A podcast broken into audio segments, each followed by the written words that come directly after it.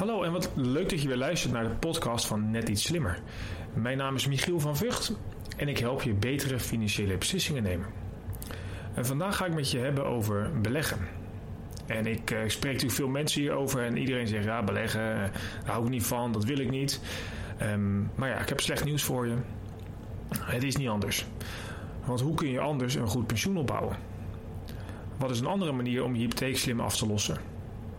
Hoe help je je kinderen naar een uh, goede studie of een eigen woning? Nou, na het beluisteren van deze podcast ben je beter in staat om beslissingen te nemen rondom je geld. En heb je een, uh, een succesvolle beleggingservaring. En deze podcast is het begin van een serie van de komende maanden.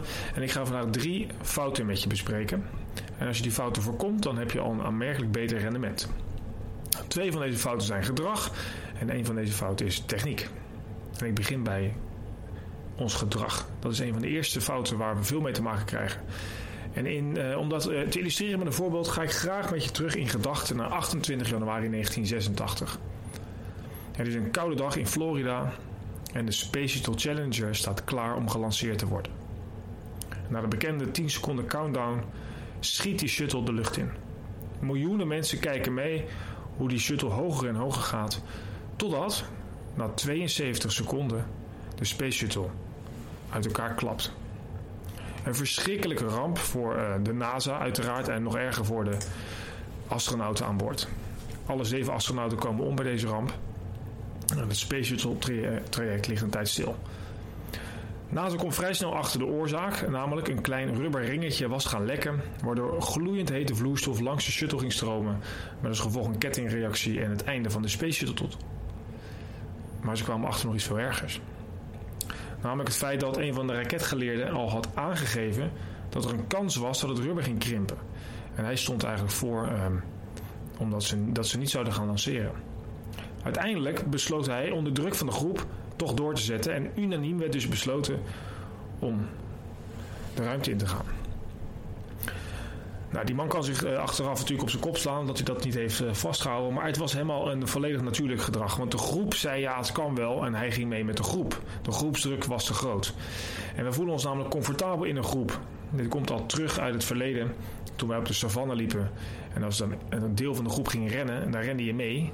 En je ging echt niet staan kijken of het nou wuivende gele manen waren of misschien wat verdord gras. Nee, je rende mee en later ging je pas kijken wat er gebeurd was. En dat bracht ons ver. Dat, dat zorgde zelfs voor overleving. Nou, de kracht van de kudde zag je ook recent nog, of de groep, een paar jaar geleden op uh, de dodenherdenking. Toen een man begon te schreeuwen, zie je de hele massa als één organisme uiteenwijken. Dus het kuddegedrag, het groepsdenken, een massa, uh, bewegen met een massa, zit enorm in ons uh, gedrag. De vraag is of je dit ook moet gebruiken op de beurs. Cijfers tonen namelijk aan dat als de beurs beweegt, de massa daarmee ook meebeweegt. Dus gaat het goed, dan hebben we het erover. Dan delen we onze successen, dan opent het journaal ermee, de kranten staan er bol van, reclames op tv en radio. En we gaan allemaal beleggen. Als het tegen zit, de beurs zakt in, opent het journaal ermee, ben je wel gek, durf jij nog te beleggen? En dan stoppen we ermee. En je zou zeggen, nee, ik doe dit anders. Maar het tegendeel is waar. De meeste mensen bewegen mee met de kudde. Nou, zo moeten we het uiteraard niet doen. Hoe kun je dit beter doen? Heel simpel. Door na te gaan of jij onderdeel bent van de kudde op dat moment. Of ben je een buitenstaander en heb je een eigen doelstelling, een eigen noodzaak voor je beleggingen. En heb je niet dezelfde belangen als de groep. Vaak is het lastig, daarom zijn externe adviseurs handig die jouw emotie niet voelen. Maar denk eens na, ben ik onderdeel van de groep? Dat is de technische, of dat is de gedragsfout nummer 1. We zijn te veel op de kudde gericht. Dan een technische fout, die we veel tegenkomen, die veel bekend zijn. En je kent vast ook mensen in je omgeving die dat zo doen. En dat is de, het glazen bol principe.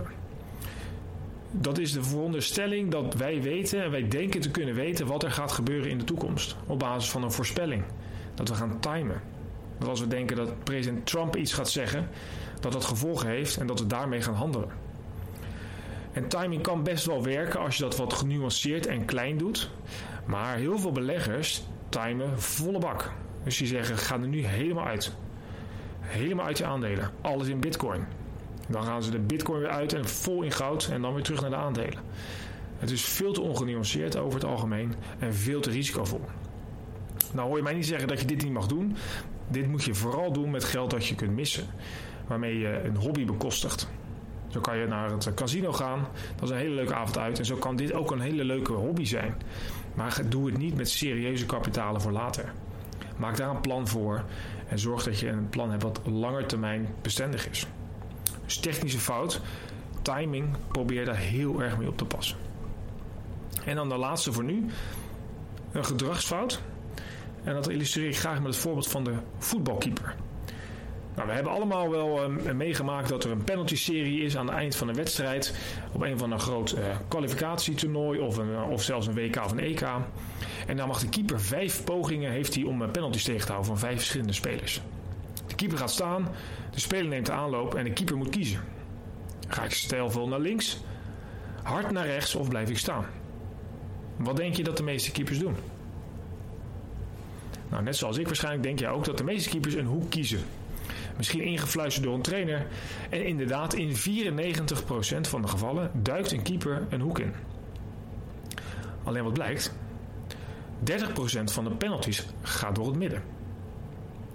Dat betekent dat op het moment dat je 94% van de keren de hoek induikt, dat je eigenlijk een veel kleinere kans hebt om een penalty tegen te houden dan als je gewoon blijft staan. Maar je kiest vaak verkeerd. Alleen welke keeper durft het aan om vijf keer achter elkaar te blijven staan? Dat zien we praktisch nooit terug. Terwijl dat wel de slimste oplossing zou zijn. Nou, waarom doen we dat niet? Is eh, het beste verklaren aan ons gedrag. Want wij zijn nogal genegen tot actie. Actie, actie, actie. En dat komt ook uit onze natuur van vroeger. Want vroeger was het, als je geen actie ondernam, had je of geen eten. Want je moest wel achteraan rennen, of je moest blijven zoeken. Of je werd gegeten. Als je niet wegrende. En stilzitten was in die uh, oude tijd absoluut geen optie. Je moest actie ondernemen om te blijven leven of te overleven. En dat zien we nog steeds terug in ook in uitspraken die we hebben. Als uh, oefening baart kunst is zo'n bekende. En we hebben allemaal liever mensen die wat moeite doen ergens voor dan dat iemand apathisch niks doet. Echter, in het geval van beleggingen kan het heel goed zijn om niks te doen.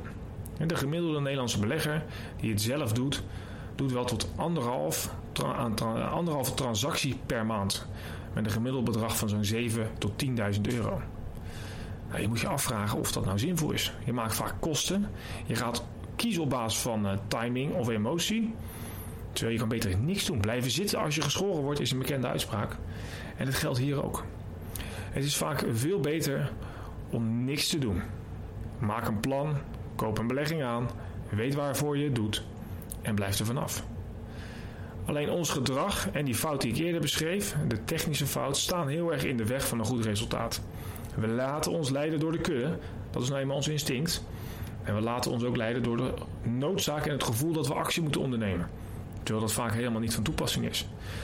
En bij die actie moet je ook nagaan, heeft het echt zin om nu iets te doen? Weet je het 100% zeker? En zo niet, dan moet je je afvragen of je niet hulp moet vragen of gewoon moet blijven zitten. En deze drie fouten zijn, uh, staan aan de basis van een beter beleggingsresultaat. Stop met het nadoen van de massa als het niet hoeft.